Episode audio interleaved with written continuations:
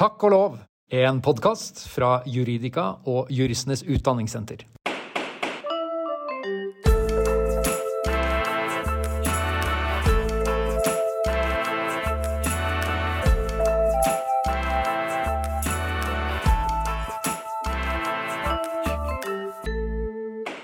Hei og hjertelig velkommen til Takk og lov, en podkast for deg som lurer på hvordan jussen, og kanskje også juristene, egentlig henger sammen.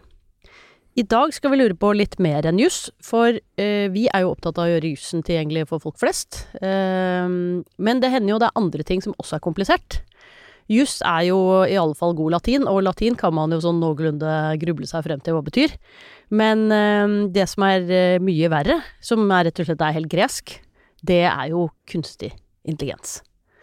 Så vi må snakke om kunstig intelligens, og øh, den har jo noen sider til jussen, det vet vi. Vi har vært, hatt en episode med Merete Nygaard tidligere. Um, men nå er det noen grunner til at uh, den kunstige intelligensen blander seg enda mer inn i jussen enn det den har uh, gjort tidligere. Uh, og det skal vi få høre uh, litt om. Vi skal høre litt om hva kunstig intelligens egentlig er for noe. Hva som er dårlig og bra med den. Hvorfor den er ekstra aktuell i 2023 og hva i all verden vi skal gjøre for å regulere den. Og her, som så mange andre steder, så kommer jo dette EU-dyret inn og hjelper oss på vei. Det er nemlig en kunstig intelligens-forordning på vei. Den må vi skjønne litt mer av. Og med oss til å skjønne litt mer av dette, har vi fått Jens Andresen Osberg. Veldig hyggelig å ha deg her, Jens. Takk for det. Tusen takk. Du, jeg kjente ikke deg, eh, og det er mulig at eh, noen av lytterne ikke kjenner deg heller. I så fall er det bare å gratulere til meg, som da vil gjøre at de møter deg for første gang. For det blir ikke siste gang, det tror jeg ikke i hvert fall. Jeg hørte deg på sånn eh, Oslo Legal Tech-dag, mm, et sånn seminar vi var på sammen. Og da ble jeg så slått av at du klarte å forklare kunstig intelligens på en måte som jeg forsto. Og jeg tenker, hvis det er mulig for meg å forstå det, da er det mulig for noen andre å forstå det også. Ja, men så hyggelig. Så bra. Ja, så det, dette gleder jeg meg til. Du er altså seniorrådgiver i Digdir. Stemmer. Hva er Digdir? Digitaliseringsdirektoratet. Du visste kanskje ikke at det fantes heller, kjære lytter? Nei, det kan tenkes at det er bak et sted der. Ja, det skal vi også lære litt mer om. Du er jurist og teknolog. Stemmer. Det hjelper jo når man skal skjønne begge deler, naturlig nok. Eh, vi har jo gravd eh, og gravd for å finne et artig faktum om deg, for vi liker jo å portrettere gjesten vår ørlite grann innledningsvis. Eh, gjøre ham eller henne tilgjengelig for folk flest også. Og det har ikke vært så lett, for du er jo veldig sånn stødig, rasjonell, lun type. Eh, som ikke lar deg vippe av pinnen så mye. Du har imidlertid en helt irrasjonell frykt som preger, vil jeg si, deler av livet ditt. Du er veldig engstelig for Ja, altså Nå sier du rasjonell. Jeg kan tidvis føle meg eh, tidlig irrasjonell på flere ting, jeg. Så okay. nå er jeg ganske spent her Ja. på hva dere har gravd fram. Nei, vi har gravd frem det du eh, bruker ganske mange bites av eh, lagringsplassen på mobiltelefonen din til, å- til å filme, eh, for å sjekke at ikke fins, nemlig veggdyr. Ah, okay, Hvordan arter dette her seg? ok. Ja, så det var det det ble. Eh, jo, ehm, da jeg jobbet i Jussbuss eh, under studiene, så jobbet jeg i fengsels- og husleiegruppa. Og da var det ganske mange saker med, altså i husleiesammenheng med veggdyr. Og det var litt sånn eh, Jeg var, ikke kjent med hva det var for noe. Jeg Kan tidvis tenke at det var like, var like greit om jeg ikke visste hva det var. Ja. Eh, For etter at du fikk vite det, så har de ikke så sluppet liksom taket? søker man litt på Google, den type ting, så skjønner jeg at det skal ikke jeg ha. Nei. Hver gang jeg da kommer fram til på et hotell, da, så søker tar jeg liksom fram telefonen, tar jeg den opp litt sånn klossete, starter å filme så man ser liksom godt opp i nesa mi. Det løfter den ned under senga for å se er det noe tegn til det her, og løfter litt på madrassen og den type ting. Og kona mi syns jo det da kanskje er litt eh, litt over the top iblant, eh, det her. At jeg sjekker sånn. Ja, ja, er det, har- det nylig gått utover din kone også, dette her, eller? Nei, altså nå, nå har du sånn Det er sikkert derfor jeg gjetter på at det er hun som har nevnt dette her, da. Eh, for nå var vi Vi vil aldri drømme om å røpe våre kilder, bare så det er klargjort. det er viktig. Eh, viktig prinsipp, det. Eh, og eh, vi var på bryllupsreise nå i Frankrike. Og så gjorde jeg dette her. Starta liksom og gjaldt å finne den sånn optimale balansen mellom det pragmatiske og det romantiske, tenker jeg. Jeg tror vi landa godt på det romantiske likevel, men da liksom sjekker under sengene, sjekker litt sånn. Ja, litt sånn nøye på det, da. Og så både i Paris og eh, Lyon Nice. Og så kommer vi hjem, og dagen etterpå så viser det seg at eh, altså, dukker det opp på NRK da, at nå er det jo, eller flere nyhetssteder, at nå er det jo kjempe sånn veggdyrinvasjon i eh, Paris. Oi! Ja, ikke sant? Så du, dette gikk fra å være en, kanskje en irrasjonell frykt til egentlig å ha vært en helt rasjonell frykt? Det er nettopp det, ikke Ja. sant? Så Åh. der kom jeg hjem og tenkte at det er, det er i hvert fall ikke vegder hos oss. Det kan Nei. jeg bare hilse og si. Dette Så- var altså Det er jo mange som har gode minner fra bryllupsreisen sin, men, men dette tror jeg ikke det er noen som kan tomme. Ja. Jeg tror jeg har bedre minner enn det òg, men det var en liten bonus da, å komme hjem uten uh, ubudne passasjerer. Ja, det er veldig bra. Ok, men dette er fint. Jeg, en av de tingene jeg merket meg da du snakket om eh, kunstig intelligens eh, sist jeg traff deg, det var jo nettopp eh, ja, hvordan du klarte å illustrere vanskelige ting med små dyr som flyr. Ja. Så dette håper jeg du kommer tilbake til eh, når vi nå skal snakke om eh, Men du må først bare helt kort forklare hva kunstig intelligens er, og hva dette Um, uh, som det er helt umulig for meg å finne noen språkrådstilpasset oversettelse av, nemlig ChatGPT. Ja. Um, Prat-GPT, jeg vet ikke.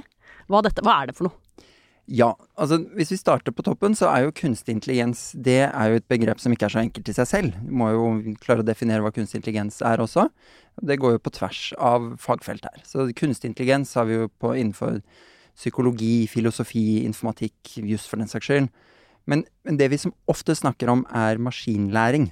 Som okay. er, er liksom en stor del av det. Og alt vi egentlig hører om nå for tiden, det er maskinlæring.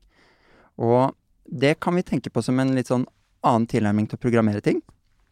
At før så satt vi der, og så satt vi og skrev programmene i detalj. Sånn skal vi gjøre dette. Jeg kan si at vi ga, Hvis datamaskinen er en kokk, så ga vi kokken en kokebok, og så ga vi masse ingredienser, som er dataen. Og så sa vi at sånn skal du lage den retten. Dette, og da ble det en ostesufflé, som vi Da- ikke klarte å få til selv. Ja, altså vi kunne jo lage ganske mye gode ostesuffleer med det, men så møter vi på situasjoner hvor hm, den retten der vet vi ikke helt hvordan vi skal klare å lage.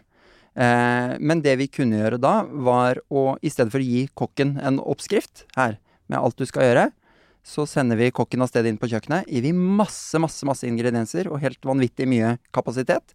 Og så sier vi nå skal du bare jobbe og jobbe og jobbe til du klarer å lage den, nei, den retten vi nå ser for oss her, da Uten at du får oppskriften av oss. uten at du får oppskriften. Så det er det at man den finner Vi definerer et mål, gir masse data, og så finner den måter å nå det målet på. Ok, det var jo klargjørende. Forhåpentligvis litt. Ja, øh, og øhm, hva er det øhm, Ok, og hva er øh, ChatGPT? Ja. Chat- Er det en sånn kokk? Det kan du si. Eh, ChatGPT er jo en av de mer avanserte formene for maskinlæring. En av de aller mest avanserte. Eh, og det den litt sånn enkelt forklart gjør, er at den gjetter det neste sannsynlige ordet gitt en mengde eh, tekst.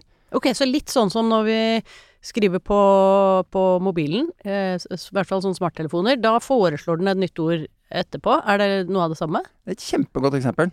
Så hvis vi ser for oss at vi sitter her med telefonen, og så skriver man f.eks. 'jeg elsker', da. Mm. Så er det kanskje sannsynlig for de fleste at det dukker opp eh, fredag. 'Jeg elsker fredag', det er Ja. sikkert ganske sannsynlig. Det er ganske sannsynlig. Jeg elsker deg, det kan være sannsynlig, ikke sant? Det jo ganske få som ville sagt 'jeg elsker mygg', tror jeg. Eller veggdyr, da. Ja, eller veggdyr, for den saks skyld. Ja. Ja, men hvis jeg da sa at øh, jeg er øh, professor i biologi, Ja. og jeg har forsket på disse små vesenene hele mitt liv, og reist fjernt og nært, og det har bare vært så stas å se på dette. Jeg kan ikke få sagt det nok. Jeg elsker Mygg. mygg. Ja, Men nå er det kanskje sannsynlig. Er det sannsynlig da fordi det er eh, telefonen din eh, prøver å finne ut hva akkurat du kommer til å si etterpå? Det er sannsynlig fordi den har da fått mye mer kontekst. Ja. Så det jeg jo gjorde nå, var å gi mye mer kontekst. Og konteksten var at du var biolog, du hadde reist vidt, du var utrolig opptatt av mygg, etc. Stemmer. Ja. Og det er liksom det som er nye med ChatGPT. Er at eh, mens man har jo da sånn autofullfør på smarttelefonen, vi ser for oss at den foreslår nye ord, men den er jo ikke like god som ChatGPT, den. Nei, og ofte er den ganske dårlig. Nei, ofte er den ganske Ja, dårlig. Særlig på autokorrektur. Det er det. Mens. ChatGPT, da har man klart å løse en utfordring man hadde lenge, med å få veldig mye kontekst inn. Ja. Veldig mye kontekst som man har med seg, og gjør at du får veldig imponerende resultater når den foreslår de nye ordene. Og da er det er, den, er grunnen til at den er imponerende både at den har lest veldig mye, men også at den skjønner mer om hvordan språket vårt virker, sånn at den har liksom noen sånne utgangspunkter for hva som er sannsynlig at hvilke ord som følger etter hverandre?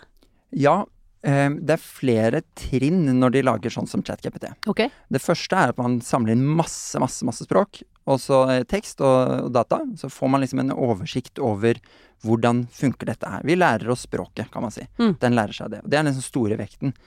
Og så skal den gjennom det som heter finjustering. Eh, som vi kan kalle å lære den folkeskikk, ikke sant? Ja, det, å, det er fint, for det, jeg har lurt litt på hvordan man kan bruke den til dette, Jeg holder jo en del på med ytringer og ytringsfrihet, og folk som misforstår hverandre Mm. når de snakker sammen. Og har i grunnen tenkt at det hadde vært veldig fint hvis alle bare kunne skjønne, skjønne litt mer av dette. At det var mulig å misforstå hverandre, og at ting kunne leses på ulike måter og sånn. Eh, men det kanskje den ikke kan løse det, for da må vi liksom ta den inn i hodene våre på en eller annen måte, da. Ja, men det er på sett og vis litt det vi gjør. For vi starter da med denne store, det man kaller en grunnmodell. Ja. Hvem som forstår språk. Og så tar vi den med, og så gir vi den liksom flere, sånn finjusterer vi den, og så gir vi den eksempler på Hvis du blir spurt om dette, så vil dette være et godt svar. Og så fortsetter det liksom som hvis vi bruker kokken vår igjen her, så tar vi med kokken, og så viser vi sånn Ok, nå, dette er i hvert fall en forslag til en god rett. Ja, ikke så dumt. Og så etter hvert så begynner man å si mer sånn Ok, nå må du enda mer avanserte teknikker, hvor den begynner etter hvert å fram og tilbake.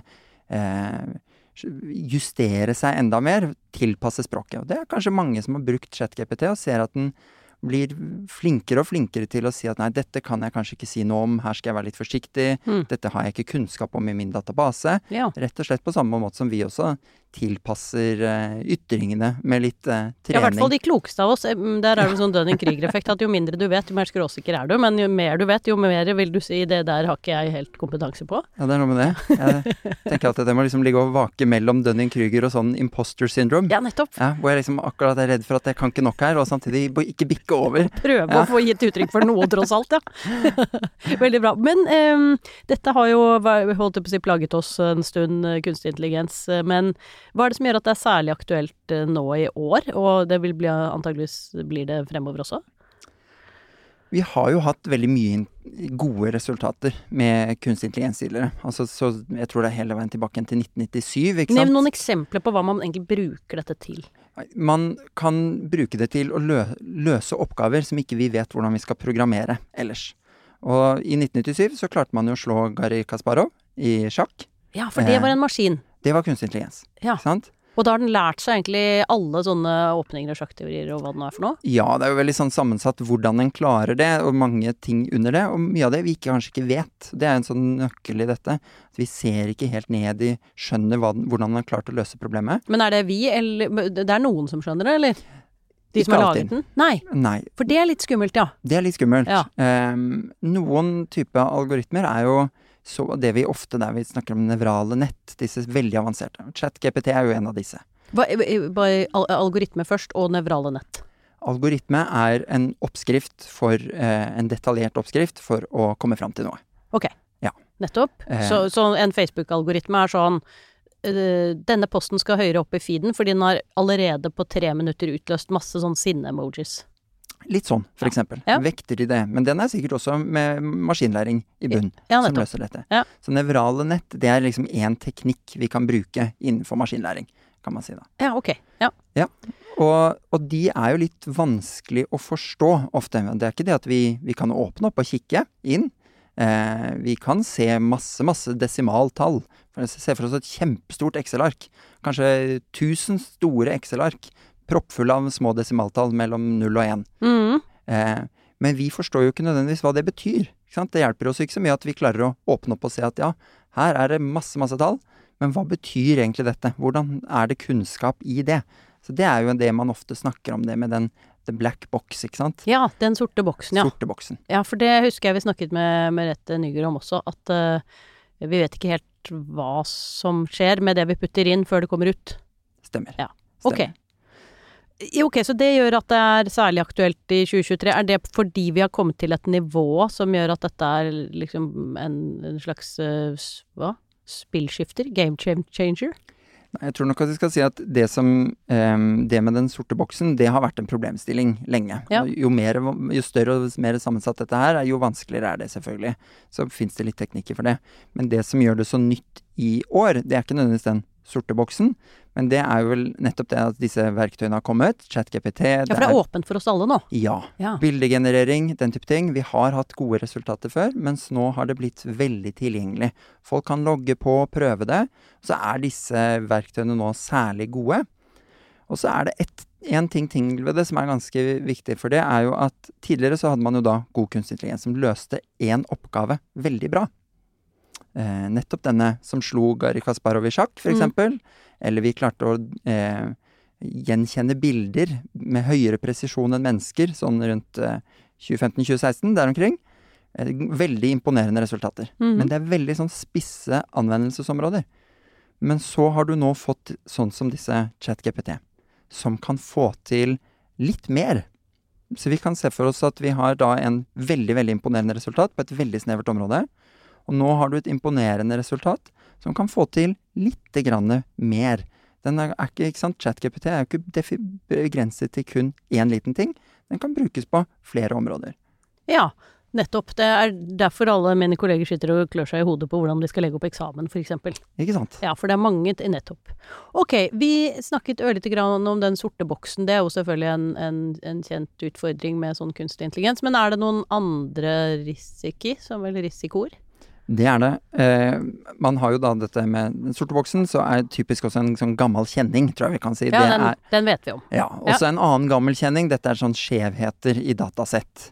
Ja. Eh, altså, dataene gir jo bare uttrykk for ting, så det er ikke dataene det er noe eh, galt med nødvendigvis, men det kan være at de ikke er representative nok, så ikke vi har nok om alle grupper, f.eks., så det blir skjev representasjon. Har du noen eksempler?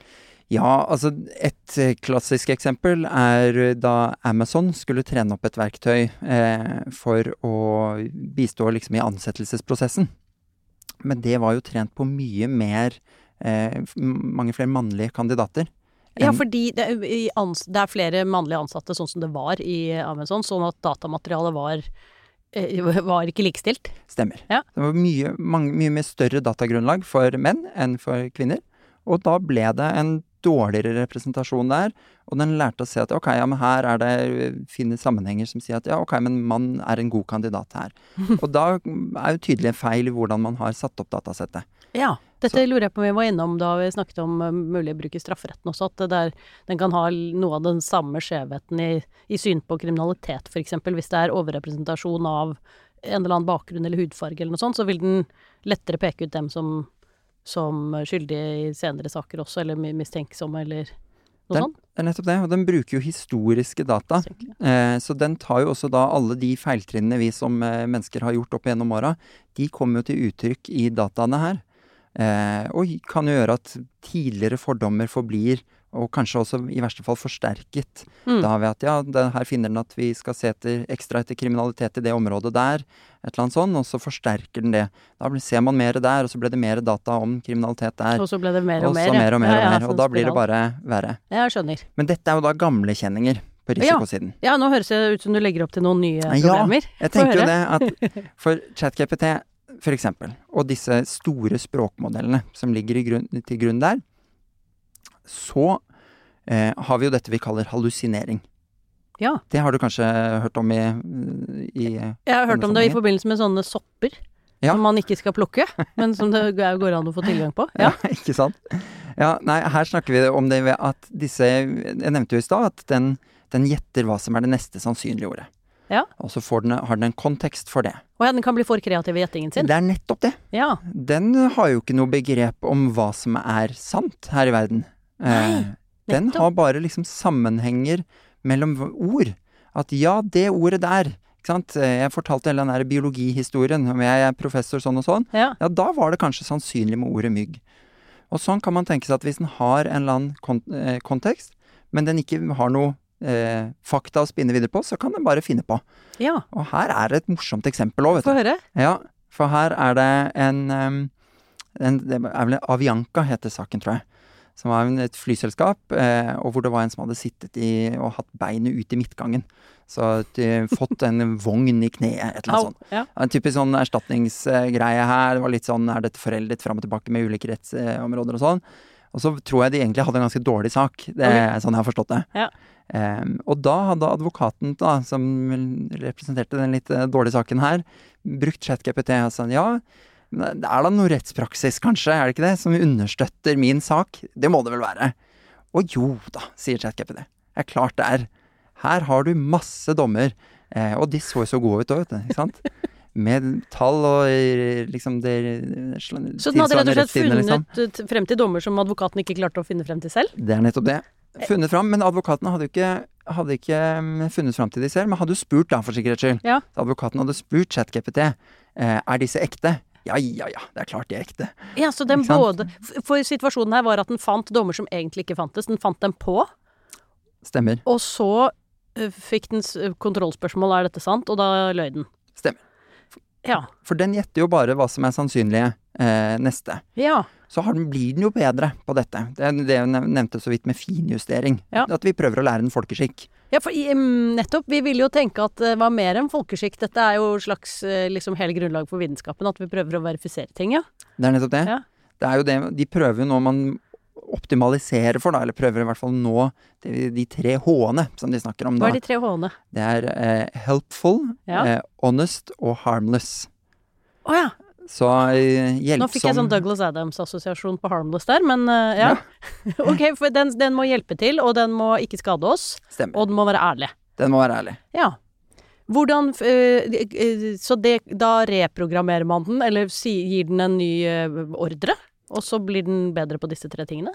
Eller hvordan funker det? Nei, det er jo nettopp det. Altså, eh, kokken vår skal jo finne fram til disse tingene sjøl. Skal jo lære dette her. Ja, Så ChatGPT, som kokken vår nå, skal finne ut av disse. ikke sant? Og da er det jo nettopp vi tar Ikke kokende vann på gjær. Nei, Nei. ikke sant. Så da tar vi med Vi kan se på så Eller la oss se på det som et eh, barn som skal på skolen. Så første delen av dette er at vi tar med barnet på skolen, og så viser vi på tavla at eh, ja, hvis du får dette, så skal du svare sånn. Ja. Eh, og så Det er liksom første steg. Det er to pluss to er fire. liksom. Ja, ikke sant. At eh, ja, eller A ser sånn ut. vi ville, vi ville kanskje sagt at ja, hvis du blir spurt om sånn, da kan du svare sånn. Ja. Hvis du blir spurt om eh, rettspraksis på dette, da kan du svare at det har jeg ikke, eksempel. ja. Noe sånt. Og så sånn, har du neste steget, hvor barnet får lov til å prøve seg selv. Barnet får lov til å komme med forslag. Ja, nei, jeg foreslår dette svaret, foreslår dette svaret. Og så skal du, da du sitte der som dommer og si nei, den er bedre enn den andre. Så nå har vi da egentlig snakket om de tre, mange av de stegene nå i hvordan man lager en stor eh, sånn som ChatGPT. Man lager den grunnmodellen sånn, og så lærer man den folkeskikk. Da ofte i to steg. Kan man bruke, eh, siden jeg skjønner jo ingenting av dette her, men kan man bruke noe sånt som ChatGPT som et utgangspunkt, og så gi den ordre videre som gjør at den blir bedre på noe? Ja La oss si jeg hadde tilgang på den siste modellen av ChatGPT, Ja. og så eh, fikk jeg den til å lese alt pensum jeg hadde i, på hele jussen. Og all metoden, og alle dommer, og alle forarbeider, og alt. Og så jeg, lærte jeg henne dette, tok, var grei med den, tok den med på skolen første skoledag og forklarte alt dette hjelpsom og, og ærlig og ikke skadelig. Ville den da kunne hjelpe meg til å komme frem til gode juridiske vurderinger? Det er jo et veldig godt spørsmål. Og, og det å klare å få, få et verktøy som kunne hjulpet oss med norskjus, eh, sånn, da måtte man jo Det fins sikkert måter, flere måter å gjøre det på. Men man kunne se for seg at vi lagde dette fra bunnen av, bare med norske rettskilder. Mm. Det er ikke sikkert vi ville kommet så langt der, at det datavolumet er ikke stort nok, rett og slett. Altså Nå var det jo en lederartikkel i Siste lovrett eh, om at eh, vi trenger ikke å bruke rammeretten hvis det går an å finne gode svar i norsk rett. Ja. Så, men vi kunne jo bare brakt inn hele folkeretten og menneskerettighetene og litt mer, da. Ja, ikke sant? Det hadde hjulpet da. Ja, altså, jeg tror nok at potensialet for å få en god sånn modell eh, vil jo være større på de engelskspråklige, eh, altså der hvor vi har engelske rettskilder. Ja. Så jeg tror nok at der får du, kommer du enda lenger. Men vi kan se for oss at man klarer å ta utgangspunkt da, i en sånn grunnmodell. Den har forstått strukturer i språk, litt sånn uavhengig av jussen. Og så finjusterer vi den med norsk juss. Vi videre trener den på norsk juss. Kanskje den kan etter hvert gi gode resultater der. Og vi trente den bare på sånn Johs Andenes-språk, som var veldig enkelt. ikke sant? ikke sånn kansellispråk. Ja. Ja. Nei, ok. Men eh, ok, så da har vi allerede begynt å tenke på noen gevinster. Er det noen andre oppsider? Jeg, det hører jo at det kan være noen oppsider her, hvis vi bare får det til godt nok. Ja, altså det er jo em, Noe er jo at den klarer å løse, og da er det ikke bare sånn som ChatGPT, men kunstig intelligens kan jo hjelpe oss med å løse problemer vi selv ikke kan. Uh, det mest kjente eksempelet der er nok denne proteinbrettingen, eller proteinfolding. Jeg, Jeg var ikke sikker på at proteiner skulle brettes. Hvordan Nei. gjør man det? Nei, der snakker man om at eh, er ikke jeg, Dette er ikke noen ekspert på, altså, men at eh, Er dette medisin, eller hva er det for noe? Ja, altså farmasi, biologi, okay. den type ting. Men Ja. at eh, her er det sikkert andre som kan mye mer om det enn dette. Eh, Eh, Nå slår Dunning-Krüger er med den, den omvendte Dunning-Krüger. Det var Ja. imposter inn igjen. Ja. Ikke, ikke la deg stoppe av det, bare kjør på. da kjører vi på. Ja. Eh, det er jo det at form er funksjon, sier man. Ja. Sånn at hvordan disse proteinene brettes, det er veldig viktig. Eh, og det er veldig viktig for å lage medisiner, eh, den type å bringe forskningen videre. Og før så var det veldig vanskelig å finne ut av. Hvordan gjør man det? Så har man hatt en konkurranse gående for å klare å løse det vi snakker om da som proteinfoldingsproblemet. Eh, og for noen år siden så vant da et team med kunstig intelligens den konkurransen, og man anså nå det problemet som ganske løst. Ja. Og det høres ut sånn der, ja ja, det er kult at vi har kommet dit. Artig for dem, ja. ja. Kjempeviktig for medisiner framover, okay. eksempel. Og legevitenskapen framover vil jo dette være viktig, et viktig gjennombrudd. Eh, Og de, jo de strever sikkert med masse sånne ting som ikke jeg aner noe om. Som noen kan løse med hjelp av kunstig intelligens. Jeg tror nok det. Ja. Ja. både, som både du og jeg ikke aner så mye om. Men jeg tror det er mange, veldig mange sånne spesifikke områder der hvor det vil være viktig. Og på lengre sikt så har vi jo også Vi har jo en, en Det vil jo komme en eldrebølge, ikke sant? Vi Ja. vil jo være behov for flere ressurser. Dette er ting jeg kan forstå. Ja, ikke sant? Ja. Å effektivisere prosesser og den type ting kan jo være helt nødvendig i tiden framover, hvor det blir eh, mindre kapasitet, da. Ja, typisk sånn medisinutdeling Altså masse ting, ja. Som det sikkert er mulig å automatisere på en eller annen måte. Den type ting. Vi, Ja. vi ser jo også nå, det er jo et eh, Jeg nevnte jo gammel jusbusser, og der var det jo stort udekket rettshjelpsbehov. Så Ja. på lengre sikt, så nå er det altfor risikabelt å hive disse tingene rett ut på nå, men på lengre sikt så kan man se for seg mer tilpasset eh, altså rettshjelp, hvor det også uttrykkes på en måte som er tilpasset mottakeren. Da. Enten det er språk eller kompetansenivå og den type ting. Kan jo være ganske positivt, og jeg kjenner meg optimistisk av å tenke på det. Ja, og jeg, jeg vet ikke, det lille inntrykket jeg har fått av dette frem til nå, er jo at eh, forutsatt at det sitter noen mennesker og går gjennom det som kommer ut, så kan man spare ganske mye jobb på de innledende stegene, iallfall. Absolutt. Ja. Her er det sånn det, Den er jo fortsatt nå, så, sånn som ChatGPT, er fortsatt en god del bedre på engelsk. Så det jeg gjør på engelsk, da gjør jeg ikke så mye selv lenger. Eh, på norsk så må jeg jo bruke det mer sånn iterativt. At jeg hiver ut litt, og så får jeg litt tilbakemelding på det, jobber litt fram og tilbake. Hva betyr iterativt? I, altså i, i flere omganger Ja, sånn, ja. er vel kanskje den beste Eller hermenøytisk uh, prosess, liksom? Ja. Så vi, eh, og der fungerer den bra. Og der kan jo spare mye tid. Lage et førsteutkast, kulepunkter, sammendrag. Vi bruker jo veldig mye tid på å kna på tekst. ja. Eh, det kan den være ganske god på, og så kan vi bruke kompetansen vår på det analytiske. Ja. Eller så kan vi få et utkast til tekst, og så kan vi kna det videre.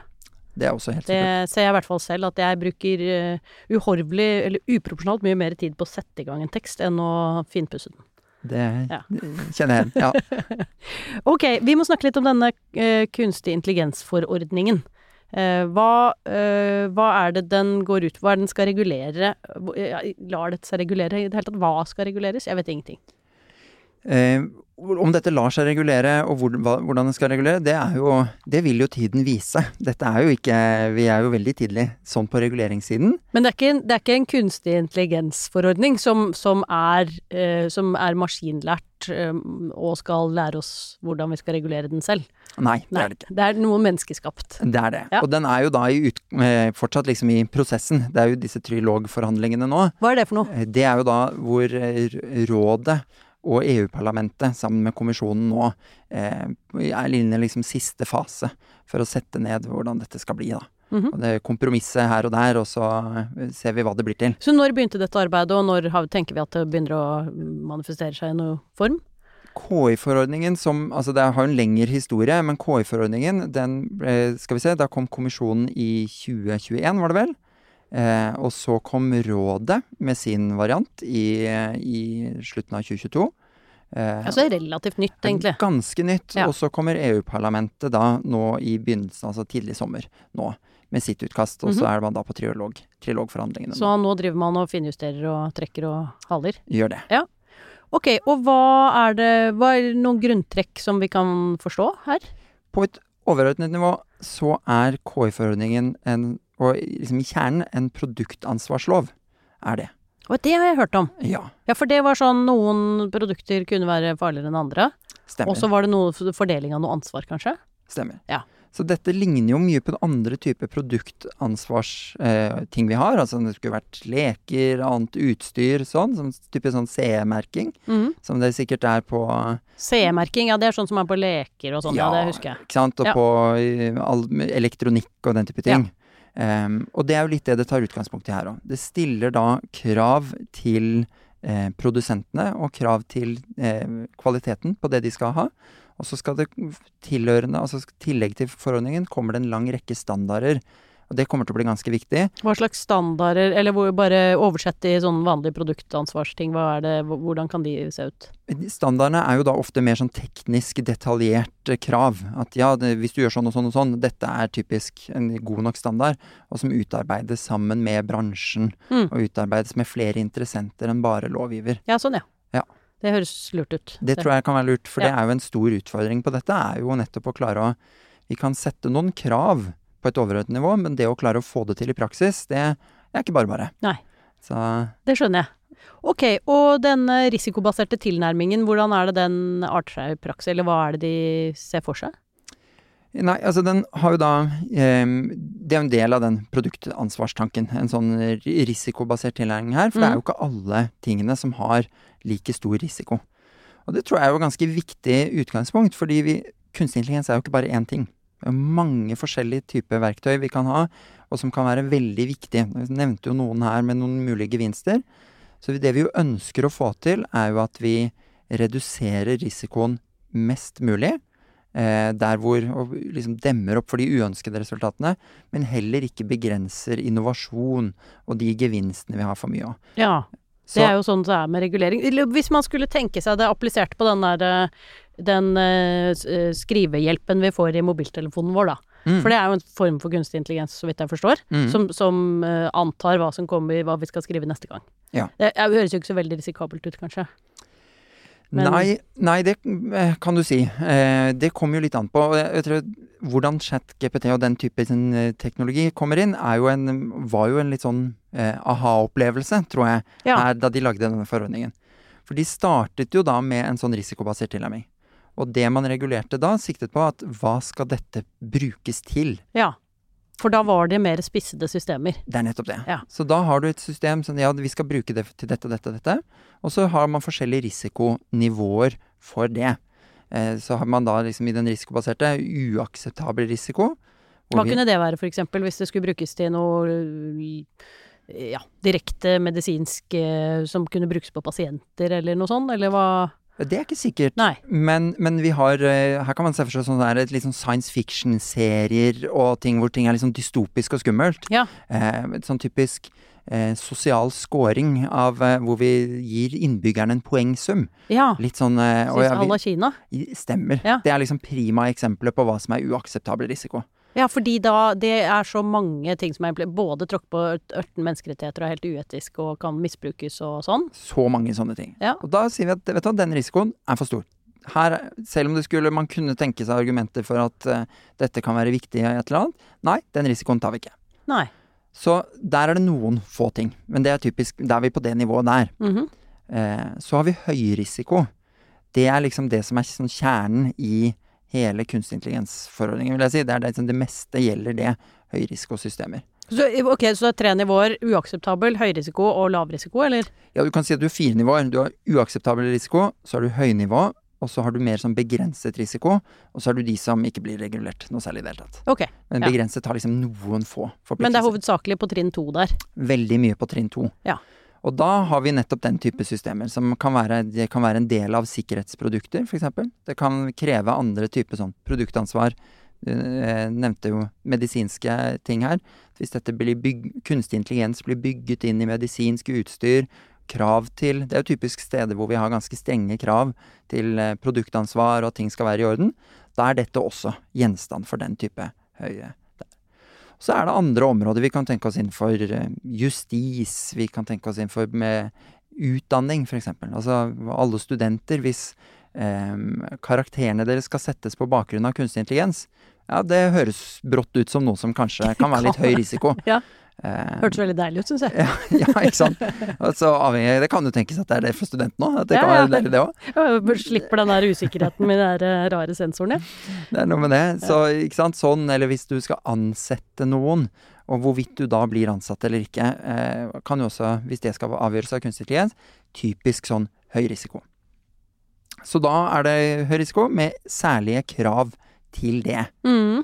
Um, også så på det mer begrensede risikoen, så er det litt sånn åpenhetskrav.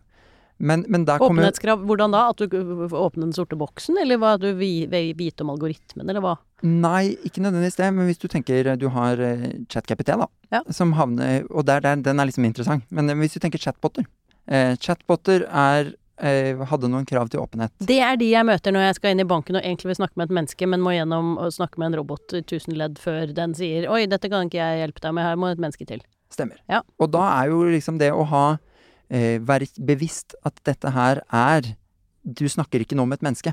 Sånn at innbyggerne skjønner at ja, her, sånn, ja. Åpenhet, så det, på, den åpenhet på den måten. Ja. Men, men, så er jo interessant, for her kommer Og da, du spurte jo da hvordan er liksom ChatGPT mm, i denne sammenhengen ja. her. For ChatGPT, da den kom, så hadde man jo da lagt opp i den risikobasert, hvor vi tar utgangspunkt i hva skal formålet være med dette systemet? Hva skal det brukes til? Og så kommer jo ChatGPT, da. Vi snakket jo om i stad. Den kan jo brukes til mer enn bare én ting. Den kan jo brukes på flere områder. Mm. Ja, så hvor putter vi den? Ja, det var ikke så lett. Hvor plasserer man ChatGPT i dette? Så da havnet jo den egentlig der, blant chatbotene, i begrenset risiko. Det hørtes ikke riktig ut. Nei, det tror jeg nok eh, Og da var det jo dette etter at rådet hadde kommet, da, så det tror jeg også med sin, sin Så dette var, det tenkte nok også særlig EU-parlamentet. Ja. Tenkte at dette høres da ikke helt riktig ut at den skal være der. Hva, de, hva, hva, gjør de med det, da? Da har de laget en egen bestemmelse for det de da kaller grunnmodeller. Um, med særlige krav til dem. Og det er jo interessant, nettopp dette for den KI-forordningen, for da har du en, en risikobasert tilnærming som tar utgangspunkt i hva det brukes til. Men så har du da eg, et eget sett med krav som gjelder for en, liksom en mer spesifikk teknologi. Så, så, det kan jo bli litt spennende å se hvordan det skal eh, sameksistere fremover. For da regulerer man ikke egentlig bruken, men selve teknologien? Stemmer. Ja, for det var det jeg ble sittende og lure på, for ChatGPT kan jo brukes til veldig mye forskjellig. Eh, og mm, i disse andre eksemplene du har nevnt, så virker det som det er mulig å stille krav til selve systemet på en eller annen måte. Men det er Hvordan kan man Hva må ChatGPT gjøre der? For det, jeg kan jo misbruke det nå, hvis jeg vil. Absolutt. Så, så, da får du litt hvilke forpliktelser skal havne på, hos den som har laget dette. Mm. Og hva skal havne hos brukeren. Ja, det er det. Og det er også ikke, sant, ikke helt enkelt i denne produktansvarsbiten. Eh, de fleste forpliktelsene her ligger jo nå fremdeles da på, på eh, de som utvikler. Så da er det nye forpliktelser knyttet til litt mer knyttet til åpenhet. Det er noen særlige forpliktelser knyttet til energi, f.eks. Ja, for det Hvor mye energi Det er ganske mye energi som kreves for dette her? Enormt. Hvor mye? Eh, og det, det, har ikke jeg tallene på. Eh, jeg så det kom et regnestykke for noen dager siden som sa noe om eh, hver gang vi spør ChatGPT, så bruker den en, en desiliter vann, eller et eller annet sånt. Um, ja, for det, um, et, eh, et, system som du nevnte på den konferansen vi var på, som jeg aldri hadde tenkt på før, det var som jeg ikke har tenkt på som kunstig intelligens overhodet heller, det var uh, Netflix. Ja, jeg vet ikke om det, det var jeg som nevnte det, men, men, Netflix er jo mye av hvordan den rangerer innholdet. Ja, for det er sånn fordi du så på dette sist, så kommer du til å elske denne serien her. Stemmer. Ja. Og det, ikke sant, det er et komplisert mønster. Det er mange ting den tar hensyn til. Ja, du er kanskje sånn, dette er profilen din, dette er den dataen vi har. Ser at dette kan Dette er ypperlig kunstig intelligensmat. Mm. Bruker den mer, bruker den mer energi enn f.eks. Facebook, tror du? Og det er eh, igjen vanskelig å si, men, men det vi vet, er at disse store grunnmodellene som vi snakket om i, i stad, hvor den gjetter det neste sannsynlige ordet, Mm. det, er, det bruker veldig, veldig, veldig mye energi for å trene opp disse modellene. Og da går det også mye vann, fordi eh, energien knyttes først og fremst til varme. Så når disse store datasentrene står på Ja. og lager masse, masse varme, så må de også kjøles ned, og da kommer vann ofte inn i bildet. da. Og Netflix brukte mer energi enn hele Danmark. Ja, Netflix har jo mye store sånne datasentre eh, for å gjøre det. No, mye til kunstig intelligens, og mye til bare det å få videoen til å komme til, komme til oss på sofaen. Så som om ikke dette var vanskelig nok å få hodet sitt rundt fra før, så hadde det også en ganske heftig side til eh, hva skal vi si, bærekraft og kraft og um, ja, alle andre ting vi er opptatt av om dagen. Absolutt. Ja. Og det er jo derfor de da legger inn noen ekstra krav til miljø, f.eks., og at man skal ha, ha fokus på det. Det skjer også i den eh, KI-forordningen. Stemmer. Fordi de spesifikke bestemmelsene da for det vi kaller grunnmodeller, som er det disse i bånn her. Hvor uh, tror du dette kommer til å virke? Jeg håper jo det. Ja. Um, men det er Det blir jo, vil tiden vise litt. Um, det vi erfarer mye når vi jobber i, i Digder, er jo at det er på digitaliseringsfeltet, og så er det ganske mye regelverk som Det er mye, mange rammer allerede i dag. Mye som sier noe om hva vi kan og ikke kan med kunstig intelligens. Men det er ofte ganske vanskelig å anvende. Både å anvende disse tingene. Og det regelverket som kommer nå, med KI-forordningen og flere forbundet med andre, altså mye annet regelverk fra EU som kommer i samme vending, er mye av det som er ganske overordnet og vanskelig, tror jeg. Så det blir liksom spennende å se hvordan det blir framover. Jeg tror at standardiseringsarbeidet som følger, kommer til å bli veldig viktig. Hva klarer de å få ned av detaljerte krav? Eh, sånn at ikke vi bare må liksom subsumere under veldig overordnede, store prinsipper eh, på disse tingene. Digdir. Bare merke seg navnet. Gå inn på siden der og finn der. Du har ganske mye interessant å lese, og opplysende syns jeg i hvert fall. Så det kan jeg bare anbefale til flere. Vi eh, må runde av, eh, mm, Jens. Dette kunne vi jo fortsatt med veldig lenge, kjenner jeg. Og det eh, kan jo hende vi må ta en oppfølging av denne episoden på et eller annet tidspunkt. Det vet jeg ikke. Ja, altså det, ting tyder vel på at det blir mer kunstig intelligens i tiden som kommer. Ja. Altså Antagelig så sitter jo ikke vi her om et par år. Da er det jo de, de kunst, den kunstige intelligensen din og min som sitter og snakker sammen. Er det, mm, vi pleier å invitere gjesten vår til slutt til å dele en historie. Du har sikkert ganske mange rare historier du har vært borti. Er det noe du har, eh, tenker at våre lyttere burde ha hørt? Ja, altså sånn, jeg vet ikke om jeg har så mye rare historier borte, men jeg tenkte da jeg ble, skulle finne på det, så har jeg tenkt ofte at i jussen, det er- det er jo av og til en del som er flaks og uflaks. Det er det. Eh, det er det. Og på jusstudiet også. Når man sitter der på eksamen, så kan man kanskje kjenne på at dette var uflaks. Ja, Ja. oftere det enn dette var flaks, egentlig. Kanskje Ja. det. Men jeg har en hvor jeg hadde skikkelig flaks. Eh, og det var da jeg jobbet i, Jussbuss, så skulle vi ta man liksom som fag ved siden av. Um, ofte for å få disse 30 studiepoengene i tillegg til det studie- Jussbuss gir, da. Mm. Da får du fullt stipend. Mm. Og da tok jeg noe som var et folkerett for ikke-jurister. ja. Eh, og det var litt sånn, egentlig kanskje litt rart at man får lov til å ta folkerett for ikke-jurister, Vi Ja. hadde jo tross alt hatt folkerett før. Eh, Men du ville lære hvordan ikke-jurister så på folkeretten, eller hva? ja, eller jeg ville helst ha ti studiepoeng, da, Ja. sånn at jeg kunne få stipend. Mer Eh, instrumentelt enn som så? Ja ja, det er lov. Og, og så var liksom, man hadde jo litt annet å holde på med om dagen, da, så det var ikke det jeg brukte tid på. Eh, men eh, så, så jeg leste kanskje, skumma litt gjennom folkerettsboka på morgenen før eksamen eller et eller annet sånt. Men så skal jo tilfeldighetene ha det til. Da. da sitter jeg i fengselsgruppa, og så jobber vi med saker knyttet til MK8. Mm. Eh, om, MK artikkel 8 om privatliv, personvern og familieliv. Ja. stemmer. Og om innsatte kan få lov til å snakke eh, morsmål eh, når de snakker med familie. ja, for da kan de sende hemmelige beskjeder og sånn, kanskje, så det er noen restriksjoner på. Kanskje det, eller da ikke sant, at hvis de blir man, Ja, vi, her må dere snakke engelsk, da, sånn at vi kan ha, vite hva som skjer i samtalen. Men da er det jo plutselig ikke så lett hvis man skal snakke med barn. Nei, og voldsomt inngripende i måten man snakker sammen på i en familie. Ikke sant? Ja. Og det kan jo kanskje også bety at du blir helt avskåret fra å snakke med barna. Mm. Så, ja. så det er jo en viktig, et viktig, mange viktige spørsmål her som eh, må løftes. Så det var liksom saker vi satt og jobbet med i Jussbuss. Så kom jeg ned til denne eh, kom jeg ned til eksamen da, i folkerett eh, for ikke-jurister. Ikke forberedt meg sånn altfor mye her. Og tenker at åh, ja, åssen var det disse tingene her, da. Så setter jeg meg ned eh, og åpner, ser på papiret, og der er jo det som er spørsmålet. her kommer man til en litt sånn praktikumsaktig greie knyttet til EMK artikkel 8. Kan innsatte få lov til å snakke på sitt eh, morsmål på telefonen? Da tenkte jeg ja, litt flaks må man ha. Og, Ja, det var bare om å gjøre ikke um, skrive altfor juridisk, da. ja, det hadde sikkert blitt tatt for plagiat, ikke sant? Er ja, bare eller ikke. ene referansen etter den andre, og det var jo akkurat dette jeg satt og jobbet med. Altfor høy reell intelligens. Ja, Ja, det, så det kan for, for lite kunstig intelligens, ja. ja, har du hørt. Det var veldig bra. Ja, men Nydelig. Takk skal du ha. Um, dette var gøy, og også avslutningen. Ja, men så bra. Jeg gleder meg til fortsettelsen. Så jeg bare må si tusen takk for at du ville være med i, i denne episoden. Og tusen takk til dere lyttere som fulgte oss også gjennom dette, som handlet ikke bare om eh, juss, men eh, intelligens av både reell og kunstig art. Takk og lov.